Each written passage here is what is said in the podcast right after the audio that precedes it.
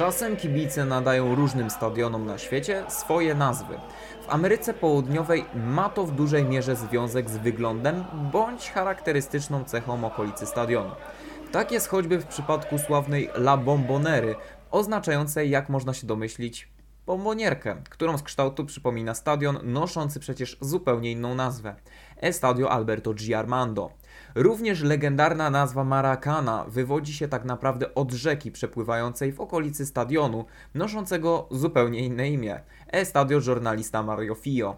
W Europie ewentualne przydomki piłkarskich obiektów bardziej odnoszą się do samej lokalizacji, ale też do tego, co stadion uosabia. I tak choćby Old Trafford nazywany był przez lata teatrem marzeń, bo dawniej faktycznie urzeczywistniał pragnienia każdego, czy to piłkarza, czy kibica, szczególnie z Wielkiej Brytanii. Teraz niestety nazwa jest już raczej nieaktualna. I ostatnio eksperci są skłonni nazywać ten obiekt cmentarzem dla piłkarzy. Z kolei dobrze znany nam, fanom Calcio. Obiekt San Siro w rzeczywistości nazywa się Stadio Giuseppe Meazza, a swoją krótszą nazwę zawdzięcza dzielnicy, w jakiej się znajduje. Oczywiście tu sprawa nie jest oczywista, gdyż każda z tych nazw jest po części zawłaszczona przez grupę kibiców, czy to Interu, czy Milanu. Ale już bardziej wchodzimy w jakieś często niepotwierdzone teorie. No ale dobrze, dobrze. Po co ja właściwie o tym wszystkim mówię? To nie jest program ciekawostkowy, a podcast poświęcony Calcio. Mówię o tym, gdyż w ostatnich powiedzmy dwóch miesiącach na naszym włoskim podwórku dwa stadiony można powiedzieć, że zasłużyły na jeden przydomek ze względu na formę i styl grających tam drużyn. W tym materiale będę je właśnie omawiać.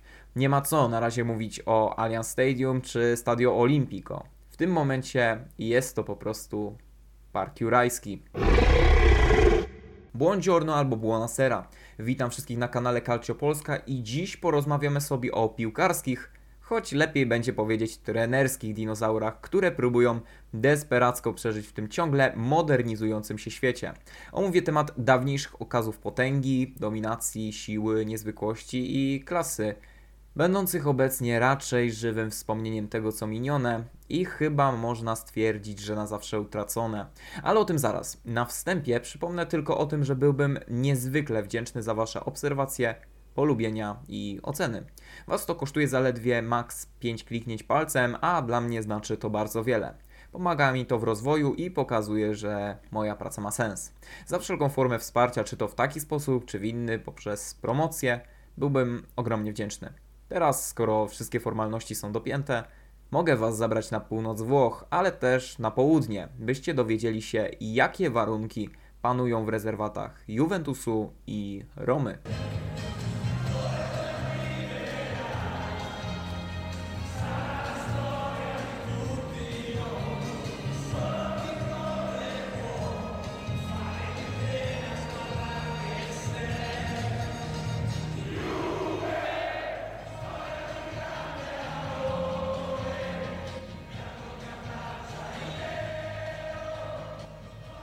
Ci, co śledzą na bieżąco Calcio, a w szczególności ci, którym blisko serca leży wszystko to, co związane z kolorem bieli i czerni zdobionej trzema gwiazdami, wiedzą, że chorobą, która trawi Juventus wcale nie jest brak jakościowych piłkarzy, a nieudolność zarządu oraz nienawiść Maxa Allegrego do ładnej piłki.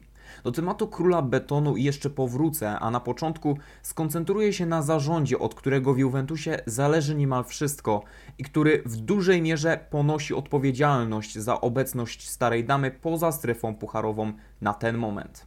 Uosabia go Paweł Nedved, wielki przed laty piłkarz, zdobywca złotej piłki, którego zatrudnienie na stanowisku wiceprezesa w 2015 roku było w mojej ocenie z perspektywy czasu początkiem kryzysu i przemiany Juventusu w kolosa na glinianych nogach. Nedved z Allegrim i jego wizją futbolu idealnie wstrzelił się w moment w historii piłki, kiedy na włoskim podwórku trwał kryzys, a i w Europie nie było lepiej. We Włoszech głównie Milan, ale i Inter kopali się po czole. Raczkowała Atalanta. Roma nie potrafiła się zrównoważyć na tyle, by osiągnąć najwyższe cele w pucharach i w lidze, a Napoli, jak to Napoli, ciągle odbijało się od szczytu jak od ściany. Nedved z Allegrim i całą społecznością Juventusu zacierali ręce, gdyż ich drużyna korzystała na kryzysach innych drużyn, sięgając szczytów Serie A czy finału Ligi Mistrzów. Konkurencja na każdym froncie była zbyt słaba, by im zagrozić. Oczywiście nie zrozumcie mnie źle, nie ujmuję nic Juventusowi, że wygrał i zdominował Ligę Włoską czy błyszczał w Lidze Mistrzów. Nie mówię, że było to spowodowane tylko tym, że innym klubom gorzej się wiodło. To, czego dokonywał Juventus w środku ubiegłej dekady, było wielkie, a osiągnięcia zdobyli zasłużenie. Zresztą Turyńczycy mieli w tamtym momencie wielu świetnych piłkarzy, ale między Bogiem a prawdą tamten okres futbolu był w porównaniu do obecnego bardzo kiepski. Ale nawet mimo problemów w świecie piłki, Juventus był niezaprzeczalnie silny i ciężko było im w tamtym momencie nie kibicować. Warto jednak pamiętać, że ich potęga zawdzięczała swoje istnienie również dysfunkcjom innych czołowych drużyn, czy to na krajowym podwórku, czy to w Europie. Juventus najbardziej korzystał na tym oczywiście w Serie A, trwając w utopii, której nic nie miało zakłócić. A potem nastał Inter Antonio Conte. Okazało się, że inne drużyny postawiły na stabilne, przemyślane projekty i obrały nowe kierunki, często dostosowując się do trendów współczesnej piłki. I tak formująca się we wcześniejszych latach Atalanta, której zawodnicy wreszcie uzyskali potrzebne doświadczenie, urosła do wielkich rozmiarów i solidnie napsuła krwi czołówce. Będący w marazmie AC Milan zaufał w końcu na dłużej trenerowi i obmyślił jakiś plan działania. Juventus został brutalnie zepchnięty w cień tuż po erze Sariego, której końcówka zwiastowała to co najgorsze. Ziściło się to zaledwie rok później, gdy Inter zmiażdżył ligę, a dawne bagatelizowane drużyny jak Milan, Atalanta, a nawet Napoli niemalże wyrzuciły Juventus z top 4. To dowodziło, że Juventus nie potrafił ewoluować. Stara dama została w poprzednich latach i nie potrafiła się zmienić. Nie potrafiła się dostosować. Klub wyglądał jak bokser, który dostał silny podbródkowy i klęczał w tym momencie na deskach. Wtedy to zszokowany Nedved zaczął szybko szukać rozwiązań. Niekoniecznie dobrych przez desperacką próbę odrodzenia w jak najkrótszym czasie. Nedved wpadł w ambicjonalną pułapkę i zaczął eksperymentować z trenerami. W końcu łatwiej wymienić jednego człowieka niż całą drużynę. I o ile z Sarim po erze Maxa udało się jeszcze doczłapać do Scudetto w dość obiecującym stylu, o tyle późniejszy projekt Pirlo skończył się niemal całkowitą porażką. Juventus bez Allegrego na tle coraz lepiej dysponowanych przeciwników zaczął się zachowywać jak dziecko we mgle. Zaczął się cofać i wracać do tego, co znane. Nedved czuł, że Juventus nie umie odciąć się od tego, co było, bądź nie ma czasu na to, by obierać nową drogę, więc postanowił poszukać ratunku w przeszłości, ponownie sięgając po Allegrego, i jego, jak się okazało, niezmienny od 2015 roku styl prowadzenia drużyny. Czeska legenda piłki nie przewidziała jednak, że ten wybór będzie szalenie destrukcyjny wobec tego, co po sobie pozostawił Pirlo, a zostawił po sobie wielu obiecujących młodych piłkarzy z ogromnymi perspektywami rozwoju. Decyzja Nedveda o zatrudnieniu Allegrego sprawiła, że większość zespołu tworzona przez młodych graczy stała się bezużyteczna przy wręcz prostackiej, pragmatycznej grze Massimiliano. I tak gracze jak Mary Demiral, Winston McKenney, Dejan Kulusewski czy Artur Mejo z Rodrigo Bentancurem w większości kupieni za niebagatelne kwoty, na boisku nawet nie to, że byli bez formy, a po prostu wyglądali karykaturalnie i żałośnie, wręcz śmiesznie momentami. Tu również Nedved otrzymał czerwoną flagę. Widząc, że polityka promłodzieżowa się nie sprawdzała, Czech wrócił w tym sezonie do kupowania tanich, mocno wypalonych, ale wciąż gwiazd jak Pogba, Di Maria, a nawet ośmielę się stwierdzić, że i Arkadiusz Milik. Wiceprezes najzwyczajniej w świecie nie potrafił inaczej podążać za wyścigiem zbrojeń, w którym prym wiedli młodzi, bo zwyczajnie nie miał czasu i możliwości, by ich kształtować. Cztery mistrzostwa do 40 tytułu mniej niż połowa. Juventus miał wielką szansę na dalsze śrubowanie potęgi, a póki co, gdy inni się rozwijali, zespół starej damy kręcił się w kółko. Zagubiony zdobywca złotej piłki wracał do czegoś, co jest mu dobrze znane i co kiedyś działało. Kiedyś, gdy Juve było wielkie. Czech okazywał się być dobrym kapitanem, ale na spokojnych, wręcz basenowych wodach, a Allegri trenerskim guru w momencie, gdy ciemność spowijała inne trenerskie ławki. Kiedy dochodzi do sztormu na morzu, wiceprezes Juventusu podejmuje desperackie, wręcz prozaiczne ruchy. Na jego obronę mogę powiedzieć jedno. Co chłop może zrobić? Jedna sprawa to presja kibiców, którzy wręcz żądają od Czecha przywrócenia Juventusu na tron od zaraz, strącając przy tym potężnych kuzynów z Lombardii. Kibice jak to kibice, chcą wyników natychmiast, a od ich frekwencji zależy w dużej mierze stan kasy i morale drużyny. Paweł Nedved udowadnia, że nie jest na tyle silną postacią jak choćby Maldini i ugina się pod presją kibiców i spełnia ich żądania jakkolwiek głupie by nie były. Juventus nie prezentuje żadnej wizji kadry. Czech jedynie kolekcjonuje najbardziej łakome ligowe kąski jak Kiesa czy Wlachowicz, albo wynajmuje darmowe wielkie nazwiska pokroju Pogby, bawiąc się w zajączka wielkanocnego, rozdając wszystkim naokoło prezenty.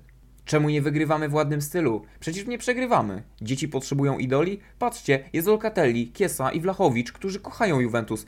Pierwszy gra słabo, a pozostałych kompletnie się nie wykorzystuje? Ale ważne, że są i potrafią strzelać fajne brameczki. Jak cudem wyprowadzimy atak oczywiście. Marzy wam się ktoś wielki z czołówki Europy, by kupić ekspertów wróżących nam mistrza z powodu siły nazwisk? Proszę bardzo, zaraz sprawdzę kto jest dostępny. Wspominałem o tym w jednym z odcinków Mercato. Nedved przestał patrzeć na jakość, za to zaczął patrzeć na zawodników, którzy z miejsca stanowią wartość marketingową, na tych, którzy pozytywnie się kojarzą. I tu dochodzimy do drugiej kwestii. Tego człowieka zaślepiła presja ze strachem. Dwaj historycznie najwięksi rywale ligowi Juventusu wymierzyli im poważny cios w momencie, gdy Juventus stopniowo starał się odejść od przeszłości, próbując się dopasować tworząc projekt w oparciu o młodych. Wspomniani wcześniej Kulusewski, McKennie, Bentancur i inni nie zdołali jednak rozbłysnąć w tak krótkim czasie wskutek zmieniających się wizji trenerów, a Nedved nie był świadomy przyczyny takiej sytuacji. Widząc, że stawianie na rozwój młodzieży nie skutkuje, Czech postawił na sprawdzonych, doświadczonych graczy, wydawać się mogło niosących za sobą jakość od zera. Ta polityka transferowa stanowiła reinkarnację planu Milanu czy Interu na początku drugiej dekady XX wieku, gdy też obie ekipy wypadły na moment z wyścigu. Nie dajesz nam tego, czego oczekujemy teraz? Żegnamy się. I tak się stało z Kulusewskim, Bentankurem, Arturem, przez chwilę z Kinem. Każdy, kto nie wykorzystał swojej jednosezonowej szansy, zostawał stracony. I to jest głupie, to jest dziecinne, ale tak jest. Nedved pokazuje, że jest słabą postacią, jest marionetką kibiców i osobą, która nie potrafi zarządzać dobrze pod presją. Jest niecierpliwy, porywczy i idzie do celu jak najszybciej, nie myśląc, czy to ma w ogóle sens. Gdyby Nedved postawił na dłużej na rozwój młodzieży i trenera, który umie się nią zająć, Juventus pewnie na chwilę wróciłby do Ligi Europy, żeby potem już na poważnie regularnie walczyć o Scudetto. Chyba taki plan wydaje się lepszy niż trwanie ciągle w ogonie czołowych czterech drużyn. Mi się wydaje lepszy, ale to wymaga ryzyka. Ryzyka, którego nie jest się w stanie podjąć ani Nedved, ani jego ulubieniec. Jedyna postać, która oparła się jego strategii nie działasz won, Massimiliano Allegri.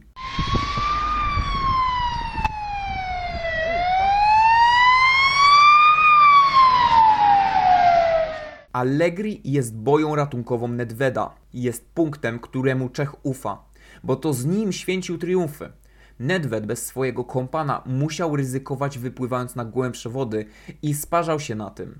Kadencja Sariego w miarę obiecująca została zaprzepaszczona przez strach wiceprezesa, gdy pojawiły się krążące blisko rekiny w postaci Interu. Różnica jednego punktu między ekipami najwyraźniej błędnie zasugerowała wiceprezesowi, że Sari nie jest tak pewnym wyborem, jakby się mogło wydawać. Kolejna próba porwania się na nowe, czyli okres Pirlo, to już pożarcie nóg przez Nerra Zurich i rąk przez Milan i Atalantę. Nedved, pozbawiony pomysłu na zespół, postanowił wrócić do Allegrego, rezygnując z rozwoju. Tym sposobem Juventus przestał ewoluować, przestał patrzeć szerzej i przestał przejść naprzód. Ponowne przyjście Allegrego wcale nie poprawiło stylu Juventusu. To samo czwarte miejsce po podróży z przedostatniego miejsca i to samo politowanie w oczach fanów Calcio na widok gry drużyny, która wyglądała lepiej chyba nawet za kadencji Pirlo, która sprowadzała się do nieustannej wymiany podań między obroną a pomocą i raczkującego ataku pozycyjnego. W tym przynajmniej dało się dostrzec namiastkę dobrego futbolu w przyszłości. Tymczasem w szczególności Max, ale i Nedved kompletnie zmietli pionki Pirlo z szachownicy, niszcząc schematy i zabierając Juventus w podróż do piekła, by rzutem na taśmę w ogóle wejść do niebiańskiej Ligi Mistrzów, korzystając tak naprawdę z nieudolności Rzymian. Allegri był do bólu cyniczny. Z jego wywiadów jasno dało się wywnioskować, że zdawał sobie sprawę z tego, że gra drużyny przypominała jedną wielką masakrę.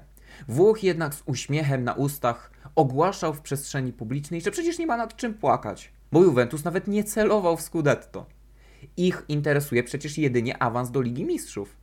Takie słowa były oliwą dole, dolewaną do ognia, co w szczególności odczuwało się na polskich forach fanowskich Juventusu, gdzie nieraz dochodziło do jawnych pokazów antypatii względem trenera i jego stylu gry. Kibice Juventusu, choć widzieli, że klub wygrywa, zdawali sobie sprawę, że za wiele taką grą nie osiągną.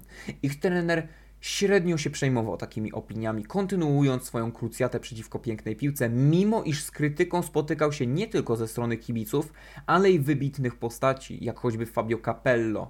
W jednym z wywiadów dla stacji Sky wybitny przed laty szkoleniowiec, m.in. Realu, powiedział Juventus nie może grać w ten sposób. Allegri musi zrobić więcej. Powinien przestać opowiadać dowcipy i pracować nad tym, aby wydobyć coś więcej ze swojego zespołu i zacząć wygrywać. Tymczasem ten Juventus to ciągłe wzloty i upadki. Trudno mi zrozumieć, co on chce zrobić. Allegri niestety sam wystawiał się na ostrzał irracjonalnymi decyzjami, jak choćby w meczach z początku sezonu ze słabszymi przeciwnikami. Gazety wypominały szkoleniowcowi skrajnie defensywną grę oraz brak jakiejkolwiek możliwości w kreowaniu ataku. Turyńczyków dało się wybronić, gdyby mecze dotyczyły silniejszych ekip jak Milan, Napoli czy Atalanta. Ale stara dama takie ruchy stosowała względem takich drużyn jak Sampa i Fiorentina. W tamtych meczach drużyna 36-krotnego mistrza Italii wyglądała jakby składała się z 10 obrońców i bramkarza. Szczególnie tragiczny był występ z Sampdorią, która unicestwiła środek pola do tego stopnia, że Duszan Wlachowicz w całym meczu zaliczył 9 kontaktów z piłką. Do miana ikony przeszło samo ustawienie Turyńczyków w obronie i pomocy, które w pewnym momencie przypominało ośmiokąt, wewnątrz którego poruszało się trzech piłkarzy Sampy, kryjących środek pola. Ci trzej zawodnicy zmusili obronę Juventusu do rozgrywania rodem z okręgówki pomiędzy bocznymi obrońcami a stoperami przez kilka minut. To brutalnie podkreślało, że Juventus był pozbawiony niemal w zupełności pomysłu na swoją piłkę, o czym często wspominało Sky, jak również po równie słabym meczu z Fiorentiną. Juventus podczas meczu przebywał głęboko jak mała drużyna. Czy to dlatego, że nie wiedzą jak atakować, czy dlatego, że taka jest prośba trenera? Allegri kończył mecz z pięcioma obrońcami. Rzeczywiście tak było. Juventus w pewnym momencie przestał grać w piłkę. Nie było to bezpośrednio po stracie gola, tak jakby się można było tego spodziewać, ale w drugiej połowie. W newralgicznym momencie, w którym każda drużyna normalnie walczyłaby jeszcze o dwa punkty. Allegri zachowywał się jakby postanowił złożyć broń, godząc się z wynikiem. Juve nie oddało żadnego strzału na bramkę w drugiej połowie, a Fiorentina kończyła mecz z 60% posiadaniem. Juventus bez żadnego logicznego uzasadnienia po prostu zamurował się w polu karnym czekając na ostrzał. Nie dziwne były pytania dziennikarzy, skąd taki pomysł gry przeciwko Fiorentinie, zmagającej się z kryzysem formy już od samego początku sezonu. Max oczywiście nie krył, że gra jego zespołu była słaba, ale zrobił to w tak ignorancki i bezczelny sposób, że można było się zastanowić, czy ten człowiek mówi poważnie, czy tylko słabo żartuje. Doszliśmy już do takiego momentu, w którym absurd nikogo nie dziwi. No bo jak zinterpretować frazę powiedzmy, że ćwiczyliśmy grę w defensywie? Grę w defensywie to se można ćwiczyć na treningu albo jak się kłócisz z żoną po 10 latach małżeństwa, a nie w poważnym meczu, gdy wygrało się 4 kolejki temu.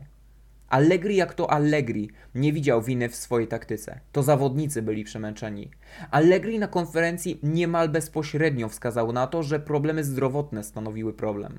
Wiecie, to nie jest wina Allegrego, że Juve gra defensywnie przy niekorzystnym wyniku. To wina Paredesza, że był zmęczony po transferze. To nie jest wina Allegrego, że nie chce, by drużyna rozgrywała piłkę. To wina Di Marii, bo zszedł z boiska, by się nie przemęczyć. Przypominam tylko, a to wszystko po łącznie sześciu meczach. Jeśli na tym etapie to tak wygląda, to pod koniec sezonu mecze będą dogrywać chyba młodzieżowcy, mając w pamięci to, że przed nami jest jeszcze mundial. Allegri jest urzeczywistnieniem Reya Darka z popularnego serialu dla dzieci Inazuma Eleven. To skrajny cynik, dążący do niszczenia futbolu. Juventus za jego rządów stał się Manchesterem United włoskiej piłki. Ten klub obecnie zabija młodych piłkarzy, zabija ich rozwój. Młodzi, zdolni gracze z pewnymi wybitnymi wyjątkami po prostu tam giną. Co świetnie pokazały historie Kulusewskiego i Bentancura, którzy sezon temu niemal od razu odżyli w Tottenhamie po turyńskiej tragedii. Drużyna Allegrego może i jest dobrym ośrodkiem szkolenia obrońców, bramkarzy i defensywnych pomocników, ale nie ma co liczyć na to, że obecny Juventus będzie miał wkład w rozwój atakujących. Do piłkarzy zaraz przejdę. Kończąc wątek Allegrego, jego zwolnienie to pierwszy krok w stronę słońca, w stronę jasnej przyszłości. Jeśli tego nie pokazał ten koszmarny mecz z Salernitaną, to po prostu nie wiem. Nie wiem, kiedy Nedved dostrzeże, że przekroczył tę krwisto-czerwoną granicę optymizmu na przyszłość. I nie dajcie się zaślepić w pełni winą sędziego, że to on przegrał Turyńczykom mecz. To oczywiście jest w ogromnej mierze prawda, ale nie można zapomnieć, że Juventus na własnym terenie do pierwszej połowy praktycznie nie istniał, przegrywając 2-0 z drużyną, która ledwo, ledwo sezon temu wywalczyła utrzymanie. Desperacka pogoń za wynikiem z ekipą niedawnego Kopciuszka z jednego z mniejszych południowych miasteczek i walka z nimi, podkreślę, jak równy z równym, jest po prostu dramatyczna. Dramatyczna.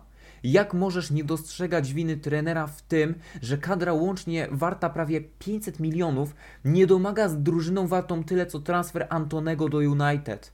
Jakim cudem nie widzisz, że to trener stanowi największy problem w tym klubie, gdy twoja drużyna oddaje prym słabszym rywalom?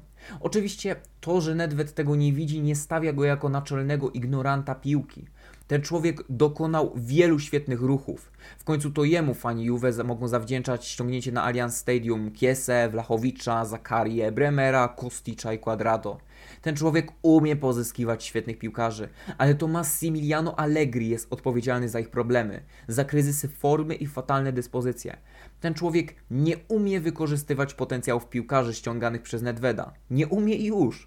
Współpraca obu panów to chodzący oksymoron. Czech zatrudnia do swojej drużyny najlepszych kierowców wyścigowych, po czym na każdym wyścigu jego sztab kieruje tych rajdowców na bandy. Któryś z ekspertów wspomniał kiedyś, że Allegri jest więźniem swojego strachu z finałów Ligi Mistrzów, kiedy Barca i Real zmiotły jego drużynę. Allegri, naznaczony tamtymi wydarzeniami, cofnął się w rozwoju. Zastosował skrajny pragmatyzm, ograniczając do zera potencjalne ryzyko lub utratę kontroli. Max zaczął się zachowywać, jakby miał obsesję na punkcie ocalania jakichkolwiek punktów. Byle tylko nie przegrać. Stąd jego częsta taktyka na szybki gol i murowanie dostępu do własnej bramki. Właściwie można powiedzieć, że kiedy Juventus strzela pierwszą bramkę, mecz dla słabszych ekip się po prostu zamyka. Defensywa Turyńczyków jest niemal nie do przejścia. Nic przez nią nie przejdzie, ale i nic z niej nie wyjdzie. I owszem, mamy momenty piękne w tym sezonie, tak jak choćby początek i słynna przerwa na wodę, po której Juventus zaczął grać jak z nut, miażdżąc Sassuolo, ale na razie Przeważają słabsze momenty, przeważają przede wszystkim remisy. Okres skutecznej gry, o której często wypowiada się Allegri mówiąc, że chce ją zaszczepić swojej drużynie, przypada zazwyczaj na jeden mecz. Specje czy inne Sassuolo.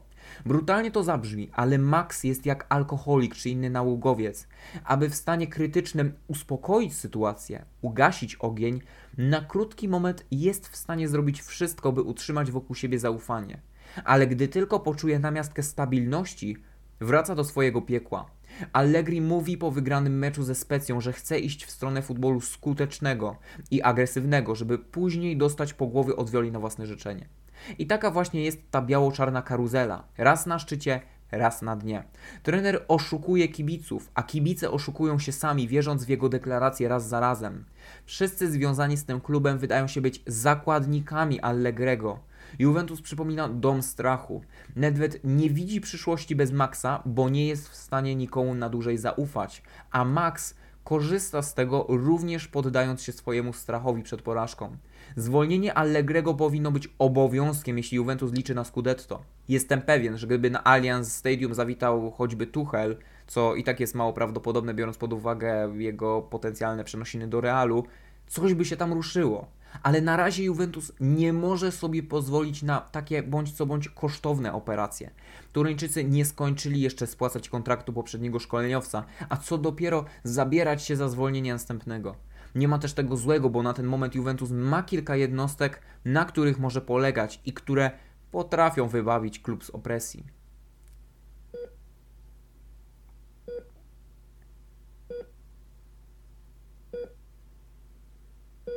Tragicznej sytuacji związanej z Polem Pogbą nie ma co komentować, bo zwyczajnie szkoda na to słów, więc pozwolę sobie tylko użyć znanego cytatu. Niby człowiek wiedział, a jednak się łudził. Inne transfery póki co również zmuszają kibiców do badań EKG. Wybitny Di Maria również udowadnia, że wiek wpływa na jego kontuzjogenność i wcale nie jest tak pewną opcją, jakby się to mogło wydawać. Leandro Paredes także zmaga się z problemami kondycyjnymi, co pokazały wydarzenia z Florencji, gdzie Argentyńczyk zmagał się ze zmęczeniem. Pomijając najnowsze transfery, pojawiła się też kontuzja Szczęsnego i co najważniejsze, wciąż nie domaga Fedekiesa, który nadal zmaga się ze swoim urazem w gabinetach rehabilitacji.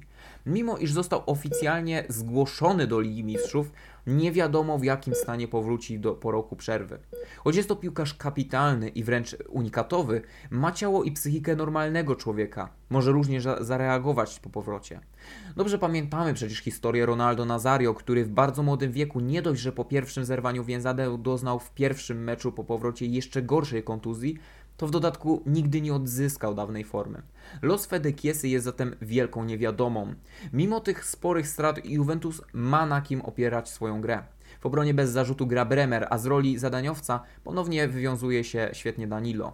Mimo przeciętnej dyspozycji Locatellego w środku, można liczyć na 19-letniego Fabio Mirettiego, który błyszczy z meczu na mecz coraz jaśniej i imponuje dokładnością przy rozegraniu, zaliczając statystyki na 90%, a i z techniką nie jest u niego najgorzej. Udało mu się też zdobyć asystę. W ataku rozkręca się Kostić, a Wlachowicz to po prostu bestia. Na razie z czterema bramkami w pięciu meczach przed Arnautowiczem w klasyfikacji strzelców, ale sztuką jest dokonywać takich rzeczy w drużynie, która nie gra ofensywnie. Fantastycznie spisuje się też Arkadiusz Milik, który po powrocie do Włoch gra na tak samo zachwycającym poziomie, jak, na, jak nie bardziej, jak w Neapolu. Polak potrafi zmieniać przebieg meczu, strzelając istotne bramki, jak choćby w tym nieszczęsnym meczu z Salernitaną, w którym VAR okradł go z tytułu Mesjasza Juventusu. Wkład polskiego napastnika jest ogromny i całkiem prawdopodobne, że będzie można go regularnie oglądać w parze z Duszanem. Pytanie tylko po co? I jak będą się dzielić obowiązkami, ale to już nie jest temat na dziś. Niezależnie od cynizmu Allegrego i jak bardzo ten człowiek będzie starał się zabijać grę, zawsze znajdą się jednostki, które chcąc nie chcąc wzniosą Juventus na wyższy poziom. Praktycznie w każdej formacji znajduje się pewien kwiatek, który wyrasta z betonu i wybija się z przeciętności. To właśnie te jednostki ciągną Turyńczyków do przodu, nie pozwalając na to, by wyniki były słabsze niż teraz. Dopóki w Juventusie dyspozycyjni są ambitni piłkarze o niebanalnych umiejętnościach, Juventus będzie poważnym konkurentem do czwartego miejsca, gwarantującego miejsce w Lidze Mistrzów.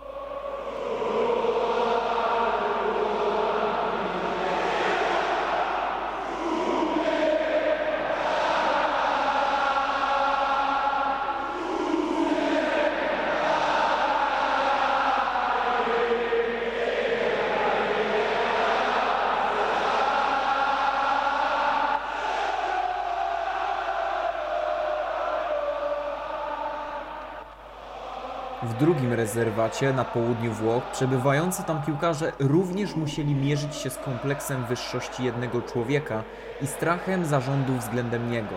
Sytuacja w Rzymie nie była jeszcze aż tak do bólu tragiczna jak w Turynie, ale gra zespołu Giallorossich również mogła frustrować.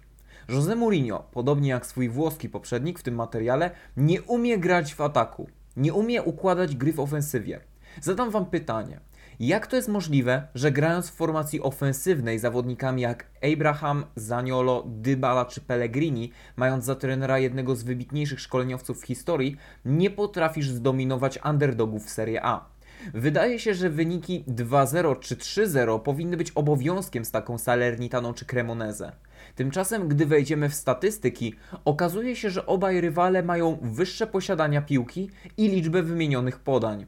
Jak to możliwe, skoro zazwyczaj strategia Beniaminków opiera się wyłącznie na chronieniu własnej bramki w starciu z największymi siłami ligi?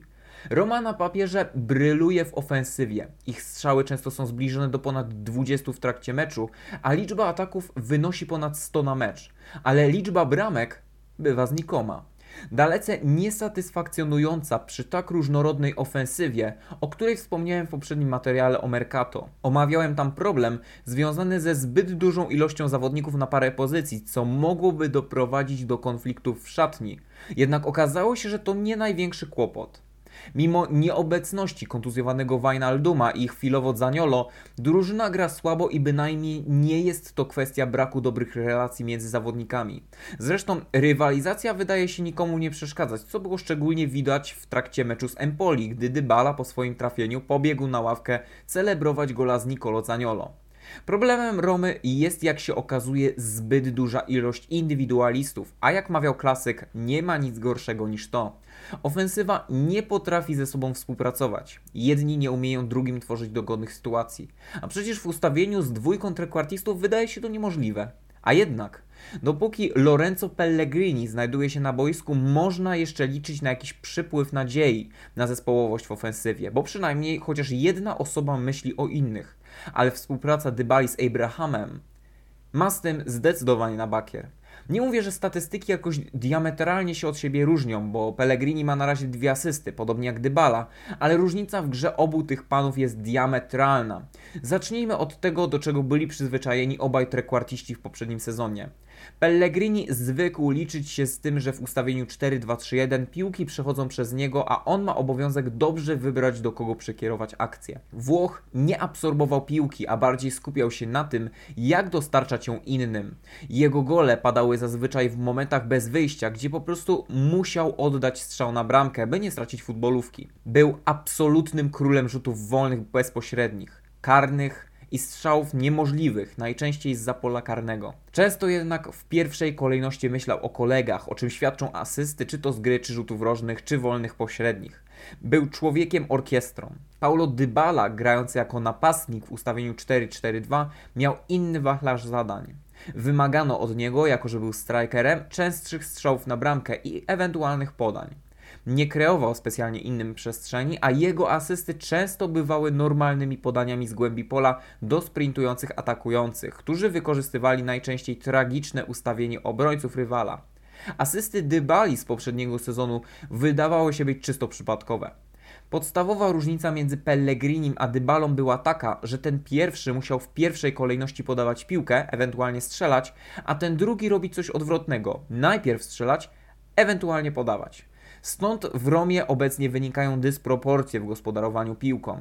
Lorenzo wydawał się być sprzymierzeńcem Abrahama, bo Anglik regularnie mógł otrzymywać od niego podania, natomiast Paulo stanowił dla Anglika bardziej konkurencję strzelecką niż partnera do gry. Obaj idą łeb w łeb, jeśli chodzi o bramki, a nawet Argentyjczyk minimalnie przeważa w klasyfikacji i nie ma co się dziwić. Paulo, jako że gra bardziej w środku pola, a na dodatek jest bardziej wszechstronnym piłkarzem, często sam potrafi sobie stworzyć sytuację. Temi Abraham w ustawieniu z dwójką trekwartistów, czy w ogóle grając jako osamotniona dziewiątka, jest prawie w 100% zależny od altruizmu kolegów za plecami. Były gracz Chelsea nie jest na tyle uniwersalnym piłkarzem, by być w stanie stworzyć w ataku jednoosobową armię, która cofa się do środka pola po piłkę, rozgrywa między zawodnikami i jest w stanie poprowadzić futbolówkę pod bramkę. Abraham jest bardzo silnym i szybkim zawodnikiem, niestety pozbawionym dobrego dryblingu i wizji w rozgrywaniu. Właśnie dlatego współpraca z Pellegrinim w ustawieniu 4-2-3-1 oparta na tym, że Włoch dogrywał Anglikowi piłki na nos bądź dobieg, była tak owocna. Tami miał pewność, że jeśli dobrze się ustawi, otrzyma dobre podanie. Właśnie z tego powodu skończył sezon na szczycie klasyfikacji strzelców. Obecność Dybali na ten moment zamyka ten okres.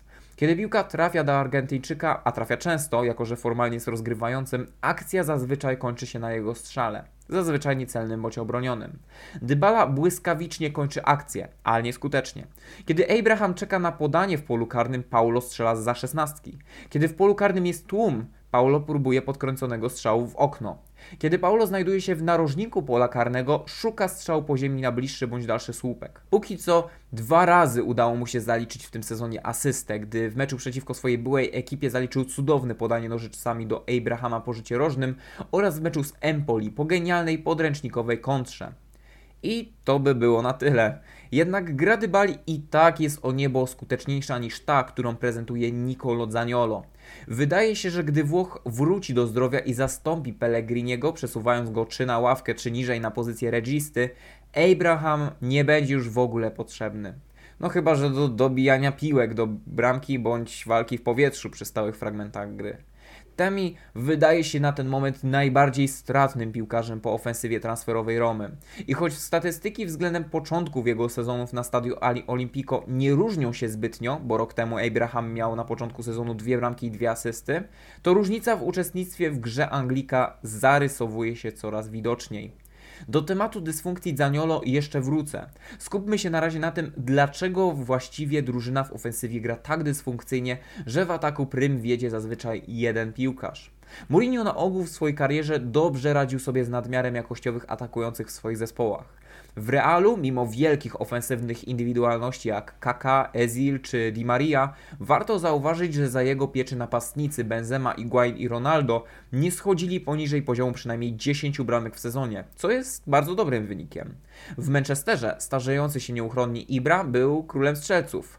Lukaku niemal mu dorównywał, a i piłkarze wiekowi jak Rooney czy młodzi jak Martial potrafili się wyróżnić skutecznością. Skoro w tak silnych zespołach to wydawało się działać, że każdy napastnik strzela ponad 10 goli, a niektórzy dobijają do 20, podczas gdy zespół wchodzi na pułap prawie 100 punktów, to w lidze włoskiej w średniej drużynie ze szczytu to powinno działać bez zarzutu. No tak właśnie nie do końca. Mourinho dał się wciągnąć w pułapkę nieumiarkowania i stał się trochę z własnej winy więźniem chaosu. Portugalczyk najwyraźniej uznał, że tak ofensywny potencjał w ataku będzie jasnym znakiem do tego, by zmienić podejście do strategii. Mając do dyspozycji świetnych ofensywnych graczy z nieprzeciętnymi wahadłowymi w postaci Spinazzoli i Karsdorpa na czele, grzechem nie będzie postawić na szybkość, żywiołowość i dynamiczność. Taka trochę fifowa taktyka, która opiera się na jak najszybszych rajdach pod pole karne rywali i błyskawicznym powrocie pod swoje. Problem w tym, że żyjemy na planecie Ziemia, a nie w uniwersum Electronic Arts i taki plan na mecz, nawet przy założeniu, że mamy jak na standardy Serie A bogatą w potencjał ofensywną jedenastkę, niekoniecznie może być skuteczny w praktyce. Obecnie w Serie A drużyny idą w stronę ataku pozycyjnego. Skrajnie ofensywna piłka, bazująca na silnej dynamice i agresji, którą uosabiało choćby Torino w 2015, Atalanta w 2016 czy Inter w 2020, poszła do kosza, oddając prym nieco bardziej taktycznym, spokojniejszym i inteligentnym rozwiązaniom. Drużyny postawiły na utrzymywanie się przy piłce i rozgrywanie przy jednoczesnym przesuwaniu się do przodu i zdobywaniu przestrzeni. Wahadłowi przestali być wszechstronnymi zawodnikami od pola karnego do pola karnego, a zaczęto ich używać bardziej do gospodarowania miejsca i rozszerzania akcji, tak by zapewnić różnorodność w ataku. To już nie był schemat Conte, który sprowadzał się do tego, by wykorzystywać wahadłowego jak pociąg, który skursuje w jedną i w drugą stronę z piłką. Taki styl gry był niesamowicie wyniszczający i wymagający także dla całego zespołu i realnie niewiele ekip mogło sobie na coś takiego pozwolić. Sam Inter nie udźwignął kontynuacji takiej gry, gdy z klubu odszedł Pintus, odpowiedzialny za przygotowanie piłkarzy pod ten schemat. Wskutek takich problemów szybko zaczęto wykorzystywać wahadłowych jako tych, którzy rozszerzali ataki, a nie napędzali. Obecnie w Serie A doświadczamy trendu ataku pozycyjnego, ataku wyważonego, bazującego na cierpliwości i umiejętności tworzenia dogodnych okazji poprzez celne podanie i odpowiednią pracę bez piłki. Ta taktyka działa w większości przypadków, a w zasadzie u wszystkich, którzy ją stosują. José Mourinho nie należał do trenerów podążających tym systemem i z taką paletą opcji w ataku nie ma co mu się dziwić. W końcu, gdyby się dysponowało karabinami szturmowymi, nikt nie chowałby się w krzakach wyczekując okazji. Wpadało się z ogniem i mieczem i robiło rozwałkę. Mourinho miał taką możliwość i starał się z niej regularnie korzystać. Tymczasem to nie wypalało. Dlaczego?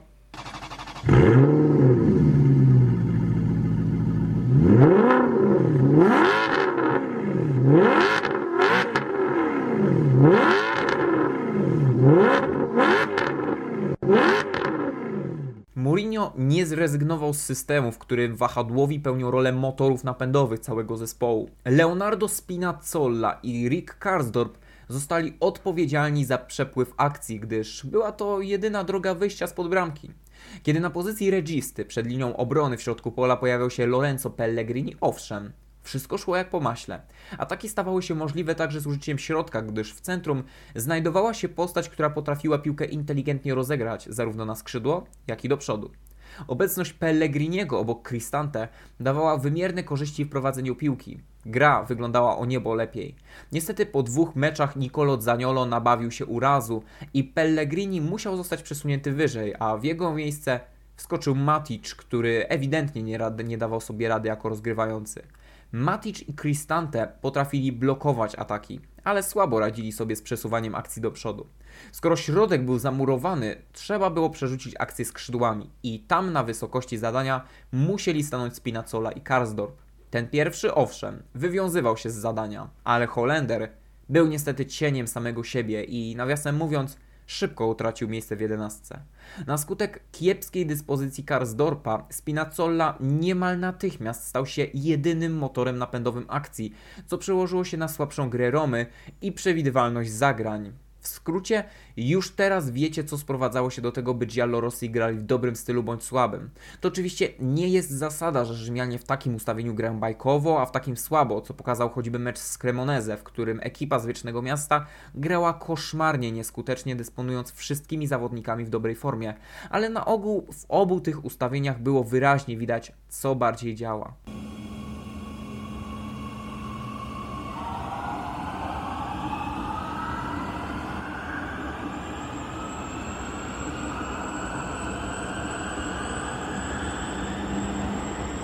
Niezależnie od wszystkiego, nawet gdy pociąg linii pole karne Patricio, pole karne rywala dojeżdżał do stacji i wydawać się mogło, ofensywa wreszcie mogła zadziałać wspólnymi siłami, nie udawało się. Jak wspomniałem wcześniej, największym problemem był egoizm zawodników. Blisko Spinazzoli, który prowadził akcję, zazwyczaj grał ktoś z dwójki Pellegrini Zaniolo. Ten pierwszy, jak wiecie, dzielił się piłką, tak by każdy mógł uczestniczyć w akcji. Świetnym tego przykładem był choćby mecz z Empoli, gdzie Włoch znów tworzył wiele dogodnych sytuacji. Ten drugi natomiast absorbował wszystkie piłki. Prowadził akcję pod pole karne rywali, wdawał się w dryblingi i świecił najjaśniej. Praktycznie zawłaszczał prawo do atakowania. W tym samym czasie Dybala stał z boku, od czasu do czasu zadawalając się tym, co pozostawi mu Włoch, bądź gdy cudem piłkę otrzyma od Karsdorpa, Czelika czy przeciwnika. Co najgorsze w tym wszystkim, Nicolo był szalenie nieskuteczny. Podobnie jak sezon temu, każde podanie do niego było tym zmarnowanym. Wciąż nie poprawił dwóch rzeczy, które czyniły go wciąż przeciętnym atakującym. Nie dzielił się piłką i nie był skuteczny. Stąd właśnie w dużej mierze wyniki 1-0, kiedy grał na boisku.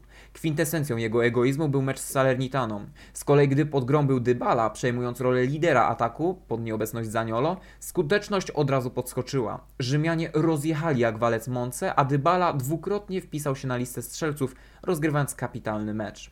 W meczu z Empoli zdobył gola i asystę. Argentyńczyk inaczej niż Zaniolo potrafił skutecznie kończyć akcje i potrafił dzielić się piłką. Jako lider formacji ofensywnej podejmował lepsze wybory i to zaowocowało wysokimi wynikami. Pomijam milczeniem tragedię gry Moncy, która zasługuje na osobny materiał. Wychodziło na to, że obecność Włocha szkodziła ofensywie Romy. Mimo to obu panom udało się wspólnie rozegrać dobry mecz. W zasadzie, moim zdaniem, najlepszy w ostatnich dwóch miesiącach. W starciu z Cremoneze drużyna mimo obecności Zaniolo grała jak znut w ofensywie, mimo nieprzekonującego wyniku, będącego zasługą fantastycznych paradradu, które utrzymywały Cremoneze przy życiu przez większość meczu.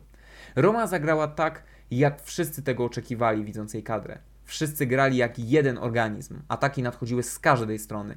Każdy z atakujących był pod grom i każdy miał równomierne okazje. Giallorossi grali tak, jak grać powinni. Wszechstronnie, agresywnie, dominująco. Niestety zdarzały się też mecze tragiczne z Juventusem i niespodziewanie z Udinese.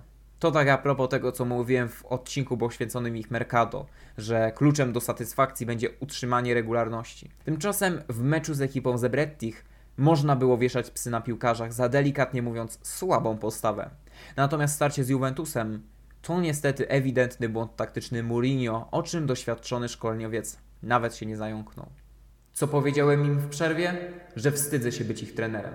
Tak bez ogródek skomentował po meczu występ swoich piłkarzy The Special One, a potem będzie się dziwić, że piłkarze będą żądać jego zwolnienia.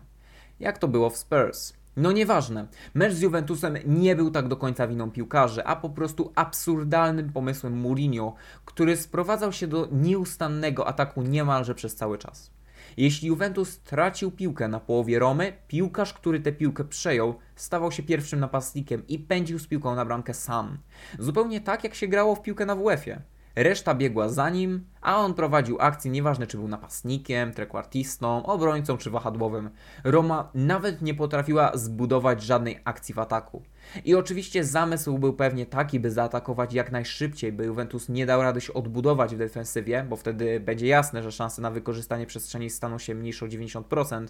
Ale Chryste, jak można grać tak przez godzinę w meczu? Taka taktyka nawet nie jest godna okręgówki, a co dopiero Serie A. Roma po utracie bramki na początku meczu była w stanie prowadzić w taki sposób każdą akcję. Każdą. Dlaczego tak się stało? Na pewno przez chęć jak najszybszego ponownego otwarcia meczu z lęku przed postawieniem autobusu przez Juventus, no bo wtedy wiadomo, gdy zaczyna się murowanko, oznacza to koniec meczu. Ale Mourinho nie wylał na swoich zawodników kubła zimnej wody, by uspokoić grę po stracie gola. Nie chciał, bądź nie potrafił. Pierwszy raz widziałem, żeby drużyna zaczęła tak panikować po utracie gola i grać na aferę. Kiedy Wlachowicz strzelił bramkę z wolnego praktycznie w pierwszej minucie meczu, piłkarze Romy zaczęli zachowywać się tak, jakby wiedzieli, że ten mecz już przegrają. Zaczęło się granie na aferę, zaczęło się granie wszędzie, zaczęły się pojawiać głupie decyzje. Czy to jest wina piłkarzy? Po części tak, ale to Mourinho nie korygował ich ustawienia i gry nie zmieniał nic na bieżąco. A warto wspomnieć, że Juventus wcale nie grał tak, że zmuszał Rzymian do nieustannego biegania i pressingu. To piłkarze José nakładali na siebie taki obowiązek, a trener nie zmieniał ich postępowania. Dopiero po przerwie, w ostatnich 20 minutach spotkania, Roma zaczęła uspokajać grę i próbować innych rozwiązań. Nie mam pojęcia, czy ze zmęczenia, czy z czego. Kiedy ruszyli głową i wyluzowali praktycznie po pierwszej akcji z wykorzystaniem ataku pozycyjnego, udało im się strzelić gola wyrównującego. Nie umiem po tym meczu wybronić Mourinho. Roma miała argumenty, by to wygrać. Jednak Portugalczyk kompletnie nie radził sobie z zarządzaniem drużyną w trudnej sytuacji. Nie poprawiał swojej sytuacji na konferencji pomeczowej, na której oprócz wyznań z szatni określił Tejmiego Abrahama strzelca wyrównującej bramki mianem jednego z najgorszych na boisku po stronie Rzymian. Cóż, Siwy lubi dym i to jest coś, o czym wszyscy wiedzą i o czym wszyscy fani futbolu na przestrzeni lat się przekonywali na własne oczy i uszy. Szkoda, że nikt nigdy nie był w stanie tak wrzucić mu pod pociąg, jak to on zwykł robić z innymi. Mecz z Juventusem wydawał się być całkowitą katastrofą taktyczną, ale za to mecz z Udine okazał się być całkowitym dnem i klęską również piłkarską. Mourinho nie tylko nie zmienił taktyki z meczu z Juventusem, ale do tego wszystkiego doszły jeszcze dramatyczne błędy zawodników. Po tym meczu Rick Karsdorp raczej na długo utracił miejsce w składzie, gdyż już jawnie pokazał, że ewidentnie jest pod kreską formy i nie radzi sobie w pierwszym składzie. Kiedy w następnym meczu z Empoli zastąpił go Czelik, od razu było widać przeskok jakościowy i jeśli Turek utrzyma formę, Holender przez długi czas nie wstanie z ławki. Problemy już nie po raz pierwszy w tym sezonie miał też Rui Patricio, który zdawał się w ostatnich meczach coraz bardziej gasnąć i coraz rzadziej mówiło się o nim jak o skale. Częściej usprawiedliwiano jego dobre imię kapitalnymi paradami z zeszłego sezonu. Mecz z Udinese był erupcją wszystkich tych błędów, jakie dało się zamieść pod dywan w kontekście gry Romy. Banalnej taktyki, dysfunkcyjności poszczególnych sektorów boiska, fatalnego reagowania na wydarzenia boiskowe, utrzymywania w zespole ludzi o wątpliwej formie. Do tego szczypta wirtuozerii ze strony jednostek z sąsiedniej ekipy i mamy gotowy przepis na katastrofę. Romie udało się podnieść w kolejnych meczach, po części naprawiając to, co nie wypaliło w starciu z Zebrettimi, ale ten mecz jasno pokazał, że Giallorossich jest niezwykle łatwo wypunktować. Roma ma o tyle przewagi nad Juventusem, że jej piłkarze są bardziej mobilni, a sama drużyna prowadzi bardziej otwartą grę. To powoduje, że mecze Giallorossich nie są mimo wszystko nudne, a piłkarze mogą się rozwijać w każdej fazie gry. Mimo słabszych występów Karsdorpa czy Patricio, coraz lepiej wygląda Roger Ibanez, który wyrasta na ten moment na jednego z czołowych stoperów ligi. Niegorzej prezentuje się też Smalling. W związku z dysfunkcją w prowadzeniu gry, Leonardo Spinazzola ma szansę stawać się lepszym zawodnikiem i pracować nad swoją grą. Mimo młodego jak na piłkarza wieku, zaczyna odgrywać jeszcze bardziej znaczącą rolę i nabiera kolejnych umiejętności. Zastój formy Rika Karsdorpa powoduje rozbłysk Czelika, którego daje się poznać jako gracza wszechstronnego w ofensywie i w defensywie o imponujących umiejętnościach rozgrywania. O środku pola i ataku wiecie niemal wszystko. Tam mamy bardzo pewnych zmienników, których przydatność rozbija się jedynie o sposób prowadzenia gry i akcji. Zmiana taktyki będzie kluczowa do poprawy ich skuteczności. No chyba, że mówimy o Zaniolo.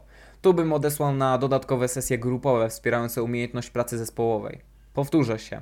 Roma ma ogromny potencjał, by znaleźć się w czołówce Serie A na koniec sezonu, a ja sam widzę ich na czwartej pozycji, ale do tego czasu Mourinho musi skorygować swoje decyzje taktyczne i swój pomysł na prowadzenie zespołu. Ten sam problem co u Maxa. Destrukcyjne przyzwyczajenia z dawnych lat, destrukcyjne plany na mecz, uniemożliwiające regularne pasce zwycięstw. Mourinho, podobnie jak jego piłkarze, musi wsadzić ego do kieszeni, wizytówki swoich zagrań sprzed lat i zacząć podążać z duchem czasu. Musi pomyśleć, co jest dobre dla zespołu, a nie co jest wygodne dla niego. Aby osiągnąć sukces, musi po prostu wyjść ze swojej strefy komfortu.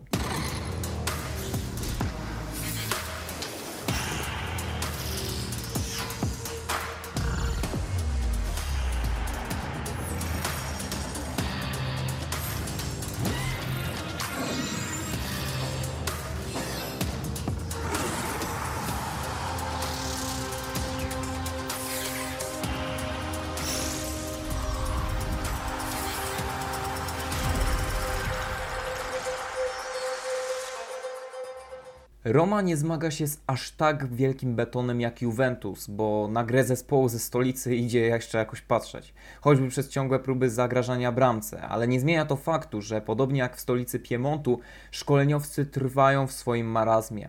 Nie potrafią pójść z duchem czasu i nie potrafią odmienić stylu gry swoich drużyn tak, by szły wraz z tym, co działa. Z psychologicznego punktu widzenia nie ma co się dziwić. Allegri, ale głównie i przede wszystkim Mourinho byli rewolucjonistami piłki nożnej. Oni się nie dopasowywali, oni wyznaczali trendy. A teraz weterani mają ustąpić i wejść w szereg innych drużyn? Patrzeć na plecy innych szkoleniowców, w dodatku w lidze włoskiej, a nie takiej Premier League, to wydaje się być policzkiem dla tak zasłużonych postaci. Dlatego właśnie ten odcinek ma podłoże Parku Jurajskiego. Allegri z Juventusem, Mourinho z Romą są w rezerwacie. Są gatunkami, które zbliżają się do wymarcia i są ciągle sztucznie podtrzymywane przez jakościowy sprzęt tym przypadku utalentowaną kadrę piłkarzy. Obaj trenerzy stanowią jedynie relikt przeszłości na ten moment i nie potrafią otworzyć się na nowe systemy. Oczywiście w Serie A naturalnie działa sztuczne podtrzymywanie się przy życiu, gdyż ta liga nie jest tak wymagająca jak Premier League czy nawet La Liga w tym momencie, ale widzimy ten schyłek dawnych wizjonerów. Ta piłka odchodzi do lamusa, a ci trenerzy pokazują, że powroty do przeszłości nie mają racji bytu we współczesnej piłce, która choć jest bardzo podobna do tego, co oglądaliśmy na początku zeszłej dekady, jak widać czysto boiskowo jest znacznie odmienna. Na ten moment oba zespoły naturalnie trzymają się w czołówce, naturalnie będą gdzieś w jej zasięgu. To nie będzie tak, że spadną nie wiadomo jak nisko talenty, jakie mają te drużyny, im na to zwyczajnie nie pozwolą. Kibice tak czy siak będą przychodzić na trybuny, no bo w końcu to Włochy. Piłka nożna to ich całe życie i nie zrezygnują z tego tak nagle, szczególnie, że gracze będą dawać im nadzieję na lepsze jutro, choćby swoimi nazwiskami. Niestety na ten moment Roma, a zwłaszcza Juventus, kompletnie nie dojeżdżają do czołówki i najprawdopodobniej nie dojadą z trenerami, którzy tkwią w swojej złotej klatce. Miesiąc temu mówiłem o zmianach, jakie będą potrzebne obu tym zespołom, by wejść na szczyt. Teraz, po transferach, przychodzą kolejne defekty, nad którymi trzeba pracować. No właśnie, trzeba pracować. Potrzebne jest ciągłe ewoluowanie, a dinozaury futbolu, jak to dinozaury, nie mają już na to szans. Możemy na nie patrzeć, wspominać dawne dzieje, jarać się ich potęgą w ich własnym środowisku, ale spójrzmy prawdzie w oczy. Te wspaniałe okazy przeszłości nie mają tak naprawdę prawa bytu współcześnie. Taki sam los czeka Allegrego i Mourinho. Dostosuj się lub gini. Piłka nożna zmienia się z roku na rok i jeśli nie umiesz iść z duchem czasu, to nie trenuj obiecujących drużyn w Europie, tylko ekipy z Chin, Japonii, Kataru albo MLS-u. Tam w ogromnych ilościach tworzy się rezerwaty dla okazów, które nie chcą wyginąć, a ludzie są skłonni je oglądać nawet jeśli będą namiastką tego, czym były kiedyś. Trochę smutny odcinek, moi drodzy, trochę o prawdzie, trochę o życiu, trochę o przeszłości, ale i też zahaczając o przyszłość. Zostawiam Was z tą refleksją i dziękuję Wam bardzo, że wysłuchaliście tego materiału do końca. Przynajmniej mam taką nadzieję. Byłbym wdzięczny, jak już wcześniej wspomniałem na początku odcinka, za każdą obserwację, za każdą ocenę i za promowanie mojego podcastu. Jak mówiłem, to znaczy dla mnie naprawdę wiele. Zachęcam Was do oglądania Serie A, do oglądania Ligi Włoskiej i poczynań drużyn na europejskich boiskach. Ostatnimi czasy nie jest to przyjemny widok mm, i drużyny włoskie raczej okrywają swój naród hańbą w większości. e, aniżeli chwałą, ale może coś jeszcze się wydarzy i drużyny włoskie jeszcze zachwycą, tak jak było to za dawnych lat. Póki co, tak jak mówiłem, dziękuję Wam bardzo za wysłuchanie mnie. E, Mam nadzieję, że Wam się odcinek podobał. Śledźcie mój kanał, jeśli chcecie więcej. Do usłyszenia. Arrivederci.